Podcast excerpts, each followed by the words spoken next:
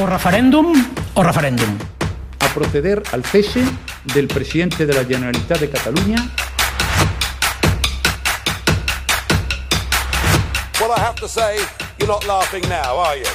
Catalunya, hem guanyat les eleccions! de fer un pas al costat, de no presentar-me com a candidat de Junts pel Sí a la reelecció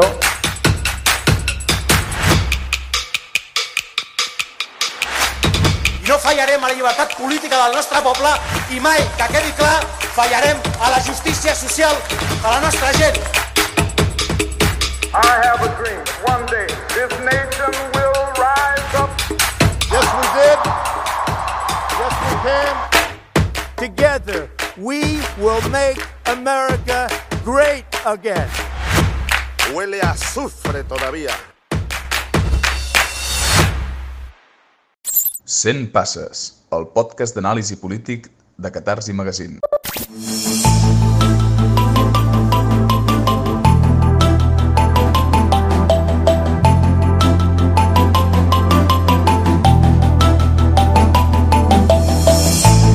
Paraules de la lingüista Carme Junyent, la situació del català no és pessimista ni optimista, perquè la situació de la llengua no és un estat d'ànim, sinó cosa de dades.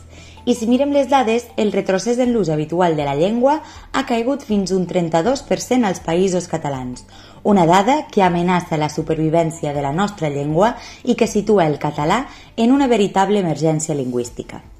Els experts alerten que quan una llengua arriba al llindar del 30% de parlants hi ha un risc real de desaparició. Els mateixos parlants tenen dificultats per trobar amb qui interactuar amb la seva llengua i això ens porta a allò tan comú a casa nostra, canviar de llengua de manera natural i gairebé sense adonar-nos-en. Davant d'aquesta situació, pot sobreviure el català a una utilització social com l'actual?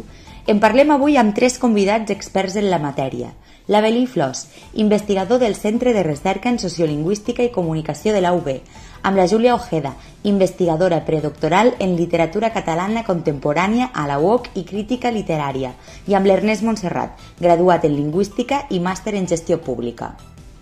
La deixadesa, la marginació de l'administració estatal, la consciència lingüística dels parlants, l'entorn audiovisual, són moltes les causes d'aquesta situació – però què podem fer per revertir aquesta tendència? Podem frenar la caiguda? En parlem avui a 100 passes. Comencem. Això és 100 passes. Política, anàlisi i profunditat.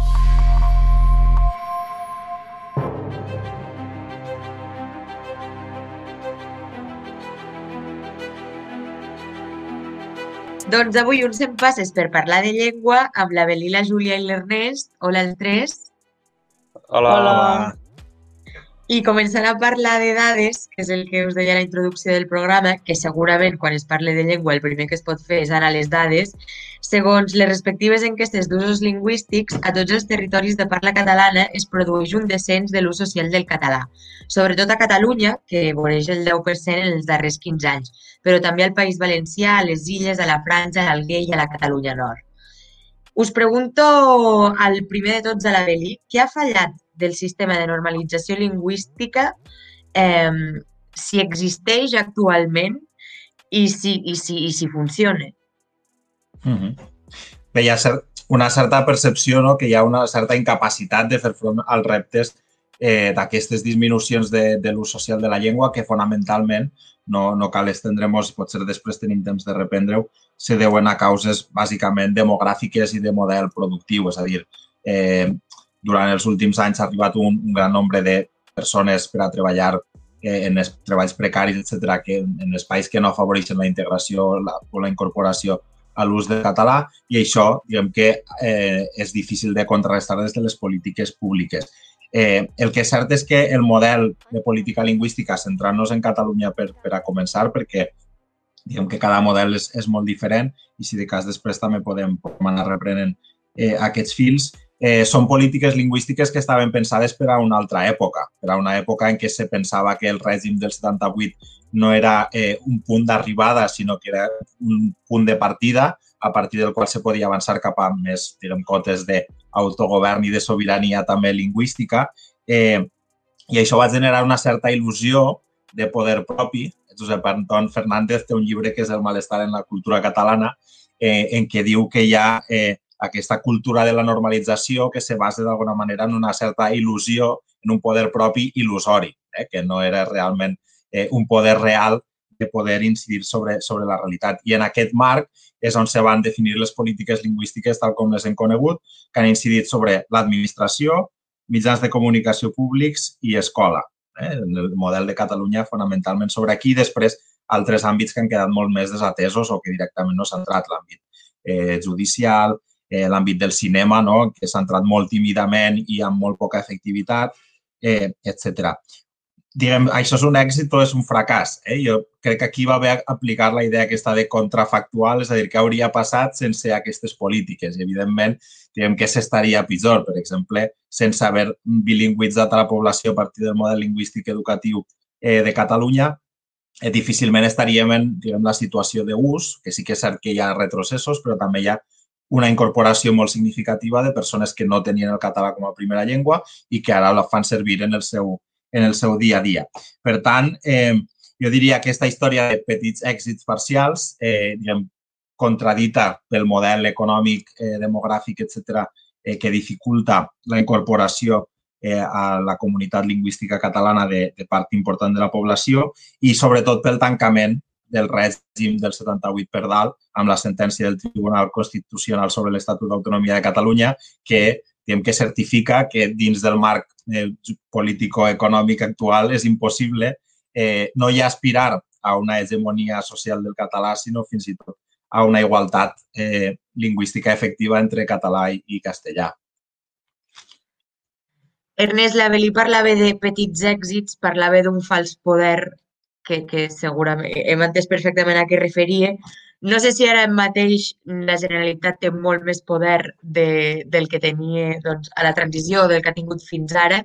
Tot i així, creus que hi ha marge o quines són les polítiques lingüístiques que creus que, que s'haurien d'estar aplicant per revertir aquesta tendència?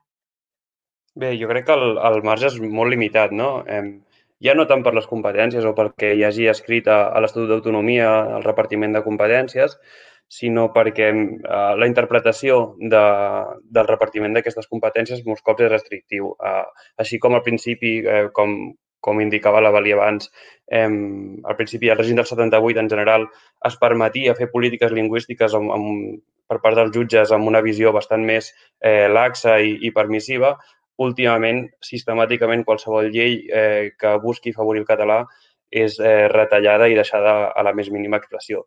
Tot i així, jo crec que, que sí que és cert que hi ha alguns eh, àmbits en els quals la Generalitat pot eh, treballar i potser no ha treballat prou en els últims anys. Sí que, com deia la Valí també, eh, s'ha fet bona feina pel que fa a l'extensió de, del coneixement. Eh, L'escola, en aquest sentit, és, és fonamental. Si, no, si la gent no coneix el català, és impossible que el parli i, per tant, és imp absolutament imprescindible l'escola, però eh, hi ha altres àmbits en els quals jo crec que sí que es podria treballar més i millor, també fins i tot en les competències que tenim ara. Eh, penso sobretot en l'àmbit del, del lleure. És imprescindible que joves castellanoparlants i en general castellanoparlants trobin àmbits en els quals puguin parlar català normalment. Eh, és molt fàcil de dir, eh? però, però és imprescindible treballar-ho i crec que de vegades s'ha oblidat una mica i s'ha tendit a pensar que expandint només el coneixement n'hi havia prou i, per altra banda, també és imprescindible, jo crec, crear un marc eh, d'unitat lingüística i de, un marc comunicatiu comú.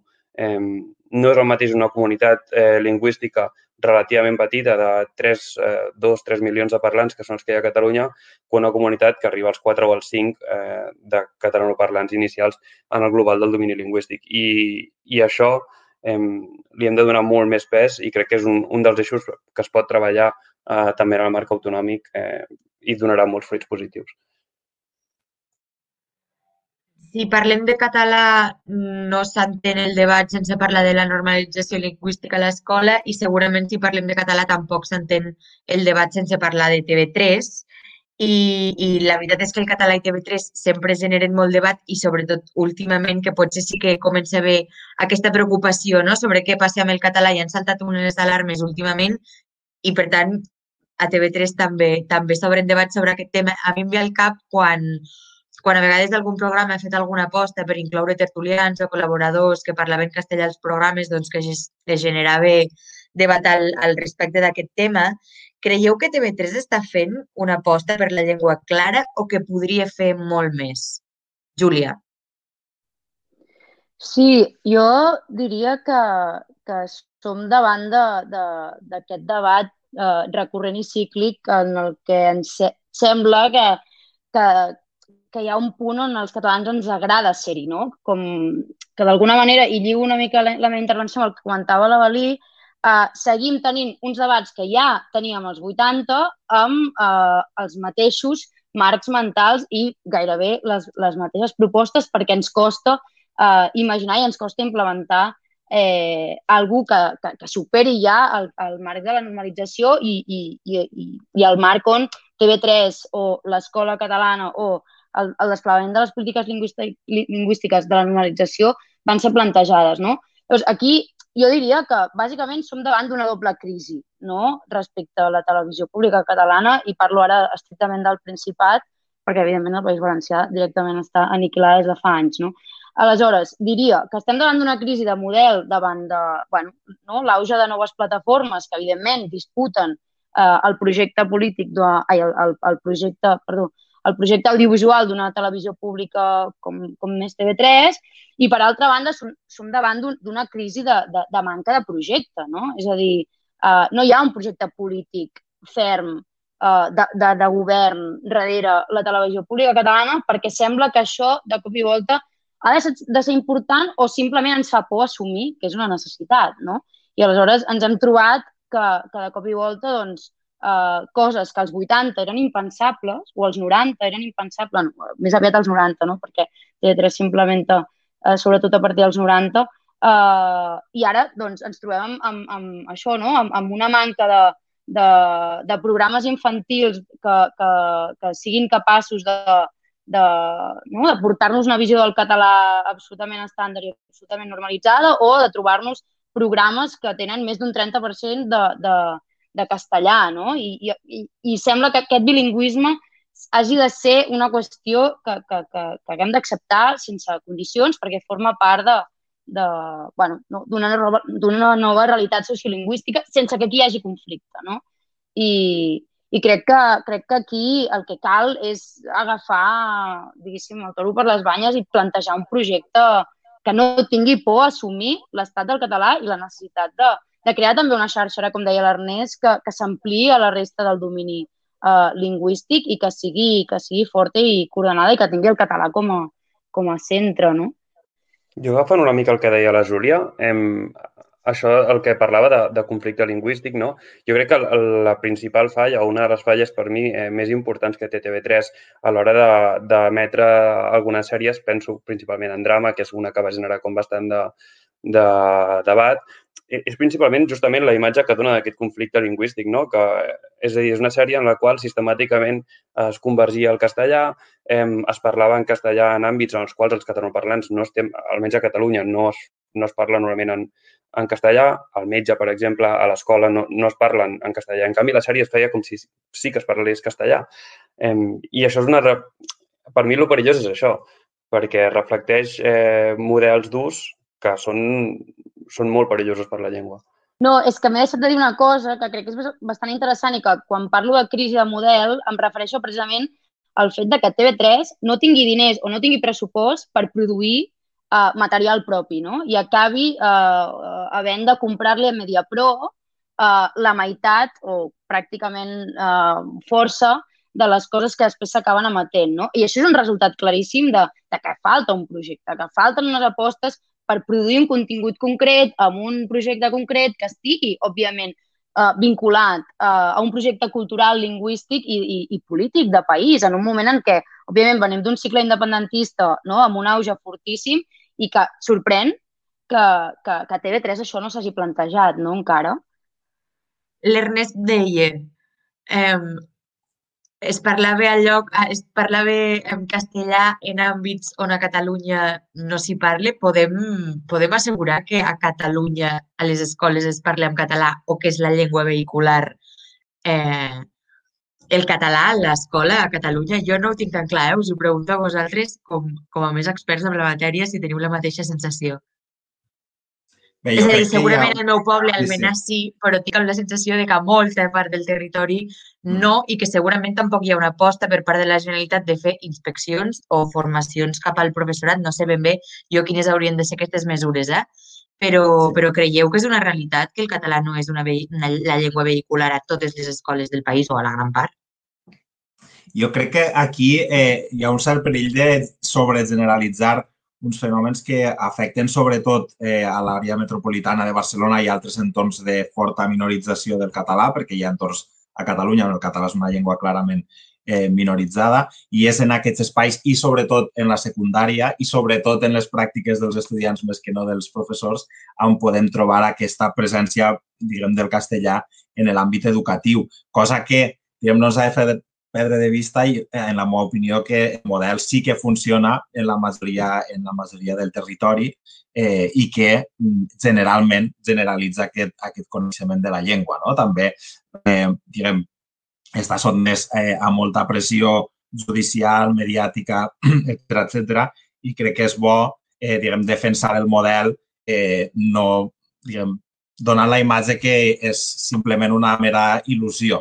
No? Eh, els estudis que tenim i que hem fet als centres educatius mostren que en general el català és la llengua institucional en la majoria d'àmbits i que hi ha aquesta petita caiguda entre la primària i la secundària, però en general eh, diguem que jo no seria tan pessimista respecte al, a la utilització de, del català en el, en el sistema educatiu. No sé si en el sistema negat, mm, educatiu, però una mica amb, amb, amb el sorgiment d'aquestes noves plataformes audiovisuals i aquest nou ecosistema de noves produccions, com pot ser Netflix, Amazon, noves plataformes així, em, davant d'aquest- d'aquesta nova realitat, quins reptes i quines necessitats se li plantegen al català per poder bueno, doncs poder competir a nivell de, de, de continguts i de producció al voltant d'aquests grans gegants que al final mm, el nivell de català que, que hi ha d'oferta eh, doncs, és molt, molt limitat. I, I parlo de Netflix i grans plataformes, però podria parlar de canals de YouTube, xarxes socials, etc. Júlia, Erne- Ernest, qui vulgueu. Sí, jo crec que aquí hi ha, hi ha diverses qüestions a, a, a dir. Per una banda, hi ha el que, deia, hi ha el que deia abans, crec, que és que per justament poder competir en un mercat global en el qual, eh, malauradament, com a bon mercat que és, eh, el que valora sobretot la quantitat de, de potencials clients, eh, cal unificar el mercat comunicatiu català. És a dir, és imprescindible eh, que siguem vistos com una comunitat de 10 milions de parlants, eh, unificat eh, Illes Balears, País Valencià i Catalunya.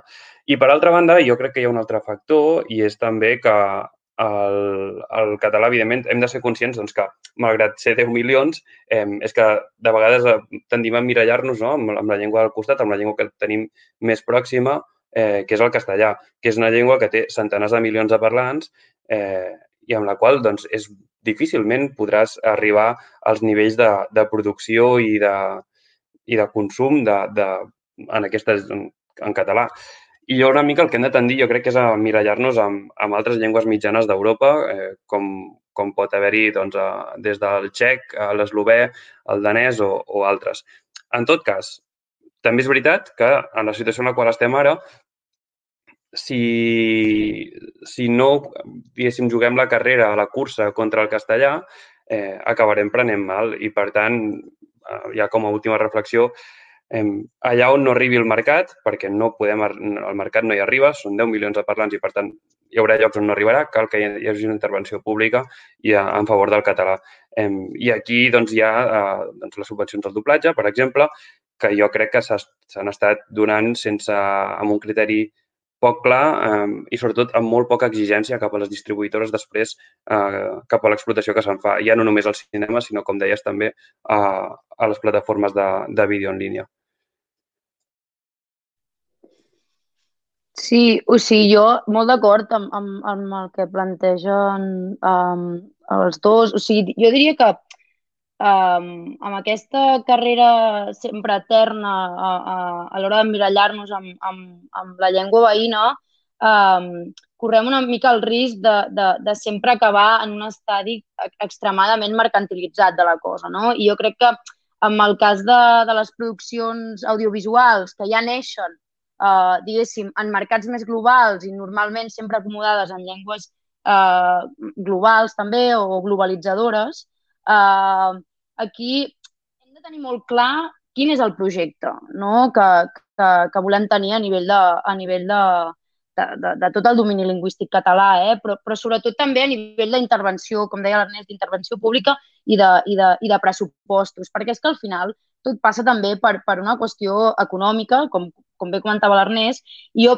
penso una mica eh, el que passa en el terreny de la, de la literatura, que, que també és una mica el camp que jo més conec, i s'està donant un fenomen en els últims, no ho sé, 10 anys en el que eh, és bastant comú que els autors treguin simultàniament, bé, les, les, les editorials treguin simultàniament eh, lli els llibres en les, dues, en les dues llengües. No? Això el que passa és que s'insereix automàticament eh, el llibre en els dos sistemes en els dos circuits literaris i com que, evidentment, el mercat espanyol és molt més gran, s'acaba menjant el català. No? Clar, aquí el que cal és que hi hagi una, uh, ja no només un projecte polític, sinó una consciència i una responsabilitat uh, col·lectiva, cultural i col·lectiva, diria, de país, precisament per, per evitar que nosaltres ens fem trampes al solitari, perquè um, està molt bé que aspirem a models de venda i autors que siguin coneguts arreu del món, però, però el que hem de tenir en compte sempre és que allò que ha de, no, de primar és eh, el que es produeix en català no? I, i, i, i que té un públic potencial i que ens traiem el complex de que, de que no serem capaços de, uh, no sé, de complir uh, els estàndards de venda. No? Vull dir, com deia l'Ernest, si no arribem a, a, a, a, un model, a través d'un model clientelar, doncs busquem alternatives que sí que passen no? per, per, perquè hi hagi una intervenció pública.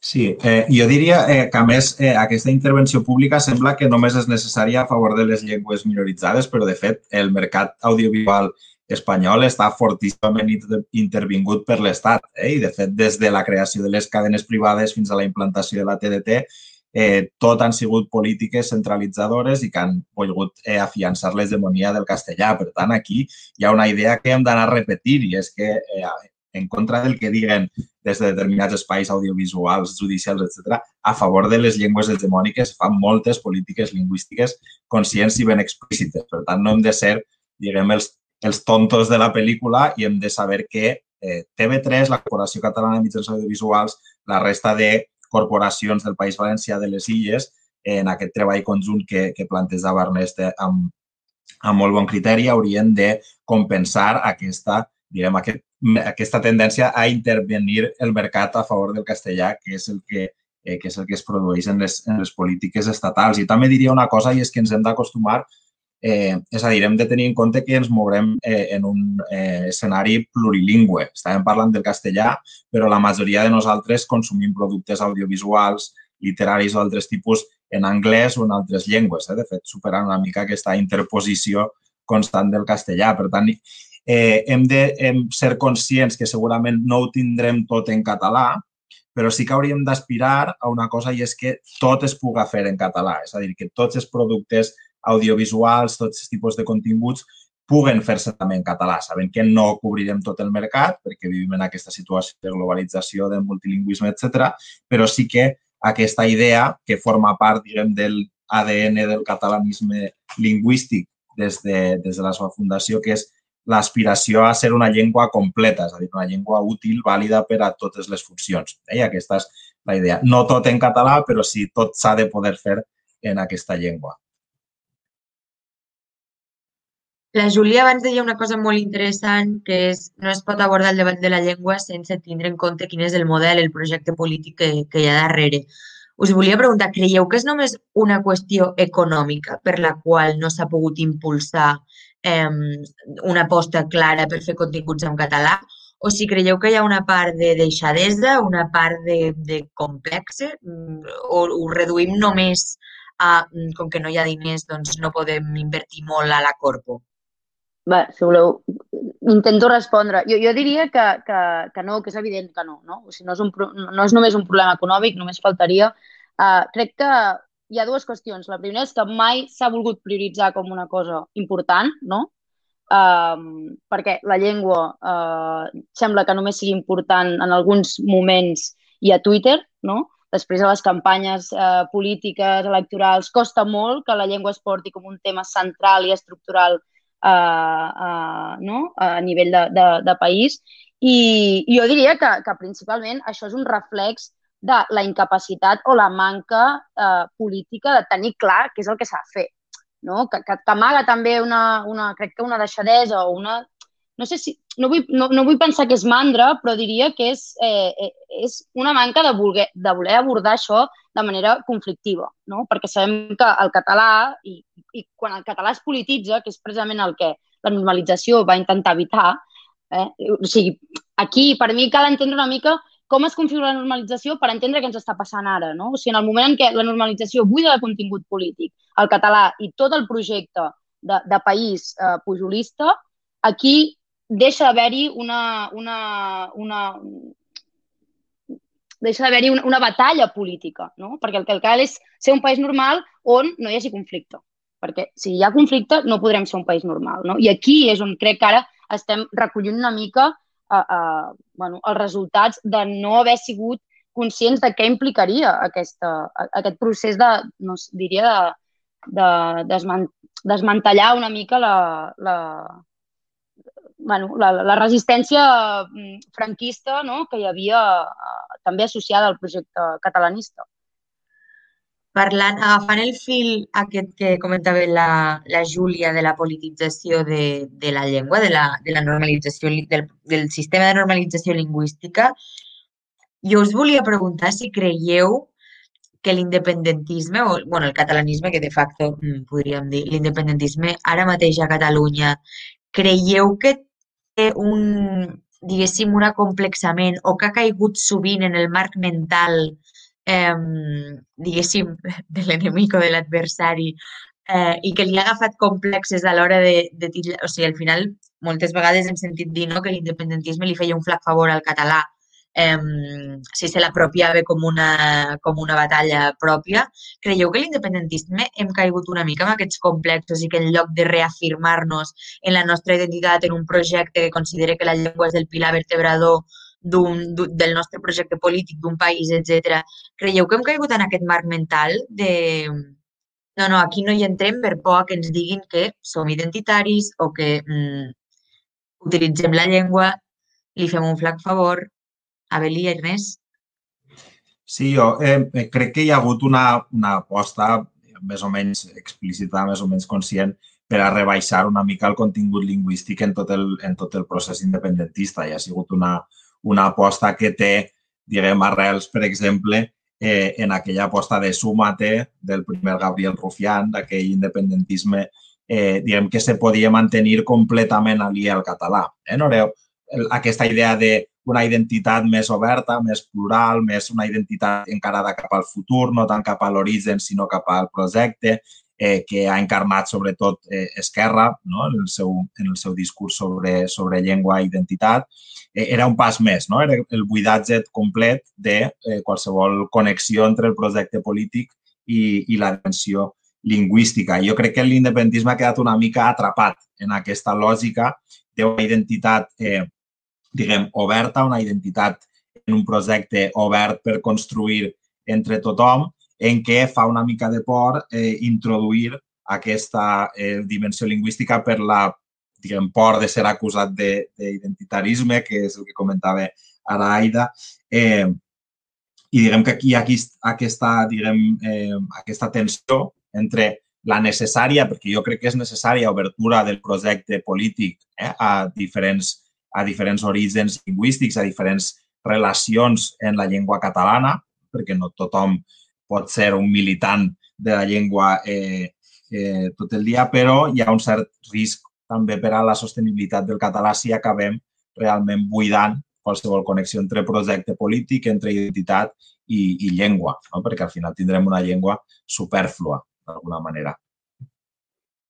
Jo, jo afegiria també que, que crec que aquí qui ha sapigut molt bé encara aquesta qüestió també han sigut els comuns, no? I, i han sapigut portar, agafar precisament aquest, aquesta por, aquest complex de, de l'independentisme, de, de, de, de caure en un identitarisme que, que, que restés eh, el que ells anomenen aquest eixamplament no? Eh, de les bases socials i que precisament se'ns ha tornat en contra, perquè els comuns, eh, fent bandera d'aquesta xernagó, d'aquest xernaguisme, sembla que siguin els primers en confrontar eh, una identitat catalana que, que, que es presenta com a essencialista, essencial, essencialitzadora, excloent, i, i aquí encara no ha sortit ningú o pràcticament ningú uh, a disputar això, no? O a dir, bueno, uh, per què ens fa tanta por, no? Per què ens fa tanta por i per què ens sembla que siguem sempre uh, els que vivim amb una llengua minoritzada o que perd, català, que, que, perd parlants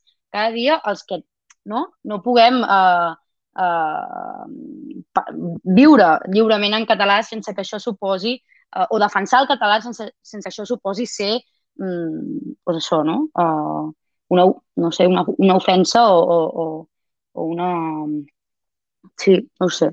És, és fort que, que, que seguim encara instal·lats en certs, en certs uh, esquemes. A veure, no, jo només volia afegir respecte al que estava dient eh, Júlia i el que havies dit abans, Aida, que la politització de la llengua, parafrasejaré a Joan Fuster, o, o la fas o te la fan, és a dir, eh, els diguem, adversaris polítics sempre intentaran polititzar la llengua i situar-te en, una, en un relat més, en una posició més defensiva. I el que jo crec que hauria d'aspirar a fer l'independentisme és a eh, ser més ofensiu i plantejar un projecte d'identitat que incloga la llengua catalana des de una perspectiva eh, més oberta, més constructivista, en tipus de relacions diferents amb la llengua, però eh, assumint que aquest risc de, de politització sempre hi serà. Eh? No, simplement abans volia afegir que, de fet, és una mica contradictori que un procés, un, sí, un procés independentista per definició és un projecte en defensa també d'una identitat nacional i mai hem volgut afrontar eh, el debat de l'independentisme també en defensa de, de, de, de la identitat del nostre poble, dels nostres valors, les nostres costums, la nostra llengua i ho hem portat totalment sempre a el tema més pragmàtic de voler construir un projecte, de parlar de polítiques públiques i no de parlar de, de les qüestions més, més identitàries que al final no, no passa res. És a dir, vull dir, ens vam acomplexar, jo crec que des del primer moment, quan va sorgir el, el procés d'independència, o sigui, bueno, diguéssim, 2015 cap aquí, diguéssim, eh, vam cometre l'error de no voler afrontar aquest debat des del primer moment i, i ara sembla que, que, que sortir-ne, qui, qui en surti, sortirà una mica escalat per ser el primer. O potser no, potser al final serà al revés, eh? El que, el que ho faci i es tregui la coraça dels complexos, doncs mm, al final veurem que és de sentit comú i que no estem dient res, res molt estrany. No sé si també si creieu que hem superat una mica l'efecte mm, rufiant, diguéssim. Vull dir, jo crec que el debat aquest, al final, al principi ens feia molta il·lusió. Hosti, gent fent discursos independentistes en castellà. Eh, mira, la gent no és tonta i per molt que sigui castellà o parlant, eh, no passa res si és independentista o voldrà ser o no arribar a les conclusions per ell sol, no perquè el parlin en una llengua o en una altra. Creieu que aquest debat l'hem superat una mica des de l'independentisme? Jo crec que una mica sí. Um, amb el temps, diguéssim, no han sortit nous rufians i, i Sumate ha, ha anat cap a caiguda. És, és una evidència que s'ha anat superant.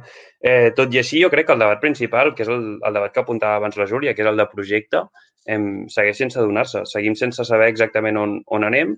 Eh, continuem una mica, per més que no hi hagi nous rufians, potser perquè s'ha fet la reflexió realment de que eh, potser no aportava tant com, com es pensava que aportava, eh, malgrat que s'hagi superat això, seguim, continuem sense, sense saber on anem, especialment en matèria de llengua. Ja no parlo també en qüestió d'estratègia independentista, que evidentment també, eh, però, però en tema llengua no és menys. I segurament, fins que no s'afronti el, el debat de la llengua, també la qüestió de, fins i tot de l'estratègia independentista. És que eh, tot d'alguna manera està relacionat i, i, i unes posicions eh, porten a, a, a unes altres.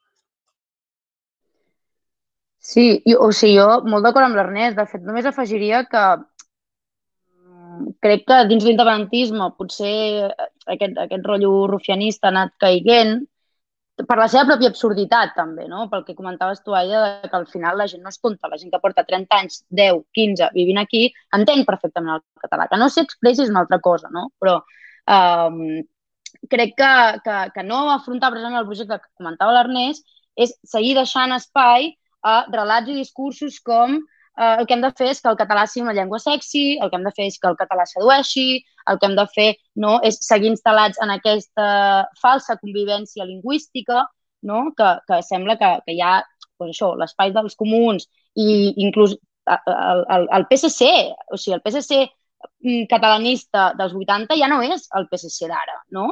On, on la llengua eh, no és un, un element clau del seu propi projecte eh, eh, estatal i, i català, no? I això diu molt també de, de, de la incapacitat que estan tenint mm, l'independentisme de precisament dir, escolteu, mm, les dades són les que són, aquí no hi ha convivència, eh, o sigui, convivència agradable ni, ni convivència, diguéssim, volguda. Aquí el que hi ha és una situació de, de, no? de, de, de, de, d'opressió lingüística i de pèrdua no? de, de, de parlants que, que cal entomar d'una vegada per totes. No? I, L'altre dia llegia un tuit que era superclar que deia bé, és que al final els, o sigui, que Catalunya viu en una realitat bilingüe no és del tot certa. Els que som bilingües és els que parlem català i castellà, no només els que no, uh, uh, fan servir de tant en tant uh, el català com de manera anecdòtica. No?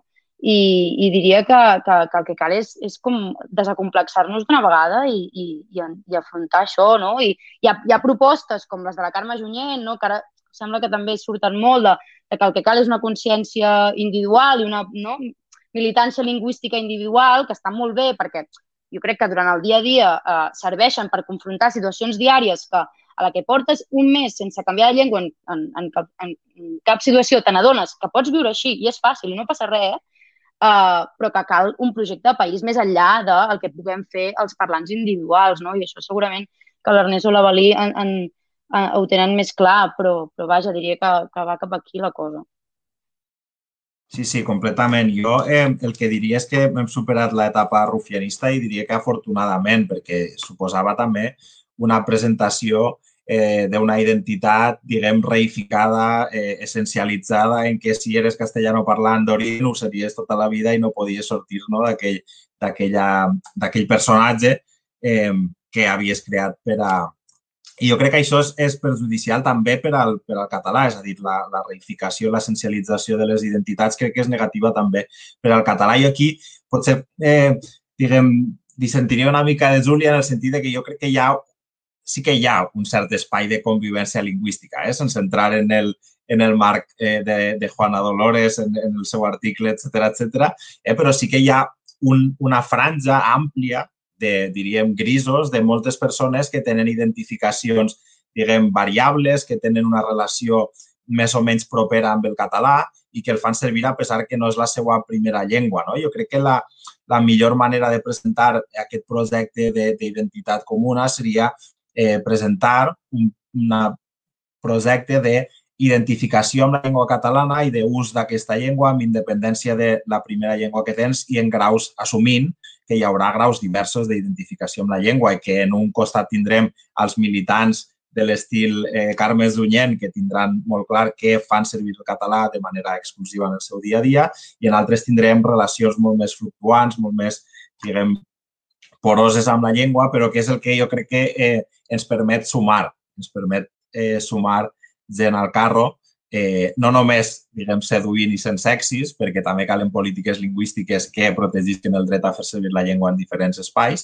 però també, diguem, en aquesta eh, permeabilitat social, que jo crec que, que és un espai on se poden construir eh, aliances i on se pot, diguem, créixer. Sí, jo estic totalment d'acord amb el que deia la Valí, però, però també sense oblidar mai el, la visió eh, de conflicte. No? Al final, el que es troba aquí és, és un conflicte lingüístic, fins i tot en terminologia lingüística eh, científica es parla en, en aquests termes també de conflicte lingüístic, Eh, I, per tant, hem de ser molt conscients sempre d'això. I, I només una última cosa, també, el, quan no tens un projecte clar no? i quan, en certa manera, les polítiques lingüístiques, també l'estratègia independentista, s'oblida o es deixa en un calaix és on surten els monstres. No? I és, és un monstre petit, és un monstre molt domesticat ara mateix, no crec que sigui un problema, però, mm, bueno, hem d'anar molt en compte amb, amb, amb aquestes qüestions i justament hem de saber, eh, hem de proposar alguna cosa perquè si no pot acabar sent perillosa la cosa. Doncs, com sempre, a cada programa us demano una conclusió per fer el tancament sobre aquest debat sobre el català. I començo per tu, Ernest, la teva conclusió d'avui. Doncs jo diria que la llengua és un element imprescindible pel país. Massa cops ha quedat en darrer terme pels diversos espais polítics, segurament per la incomoditat de què parlàvem abans o per la victòria al mar mental de Ciudadanos.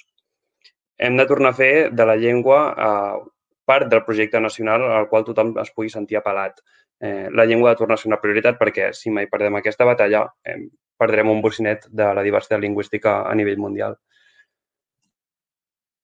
Avelí, la teva conclusió. Molt bé, doncs jo volia plantejar tres idees per a construir, diguem, sobirania lingüística i revertir la situació de minorització. La primera és que necessitem un projecte d'identitat, diguem, obert, inclusiu, en què ha de ser imprescindible una certa identificació i ús i coneixement, evidentment, eh, amb la llengua catalana. La segona, aquesta idea de completesa funcional, hem d'aspirar a que no hi hagi res que no es pugui fer eh, en la nostra llengua i que per a garantir la sostenibilitat del català necessitem garantir-li funcions quasi exclusives, de manera que la fem una eh, llengua necessària. I tot això, diguem que és pràcticament impossible en l'actual marc político-econòmic i, per tant, eh, hem d'actuar en conseqüència. I Júlia, per acabar, la teva idea per, per tancar aquests 100 passes d'avui? Bé, es fa una mica difícil parlar després dels experts, però jo diria que dues coses molt, molt breus. La primera és que crec que hem de seguir instal·lats o instal·lar-nos definitivament en el terreny de, del conflicte precisament per mantenir la necessitat de, de garantir la supervivència del català, no? perquè precisament és quan ens hem relaxat o quan ens hem cregut la fantasia de la normalització hem vist que el seu retrocés era molt més ràpid del que, del que ens pensàvem. I després, com ja s'ha dit, eh, projecte polític que vingui acompanyat de, de pressupostos, de, de diners que, que garanteixin el, el desplegament de les polítiques, d'unes polítiques lingüístiques que no siguin les, les que ja estan caduques, no? com comentava el Vali al principi, sinó que aspirin a assumir l'estat actual del català i el, i el projectin a present i a, i a futur. Doncs això és tot per avui. Moltes gràcies als tres, Júlia, Ernest, Avelí. Gràcies. Adéu, gràcies. Adéu. Adéu, gràcies. Doncs veurem si entre tots serem capaços de construir aquest projecte polític necessari que hem comentat durant aquest programa, que entengui que la llengua és un pilar vertebrador per construir un país i també, evidentment, per defensar la nostra identitat. De moment, vist com està el panorama polític a casa nostra, la cosa és bastant desoladora, però la consciència del país sempre resisteix. I aquesta és la nostra gran esperança. De moment, parleu català i ens escoltem al proper 100 passes.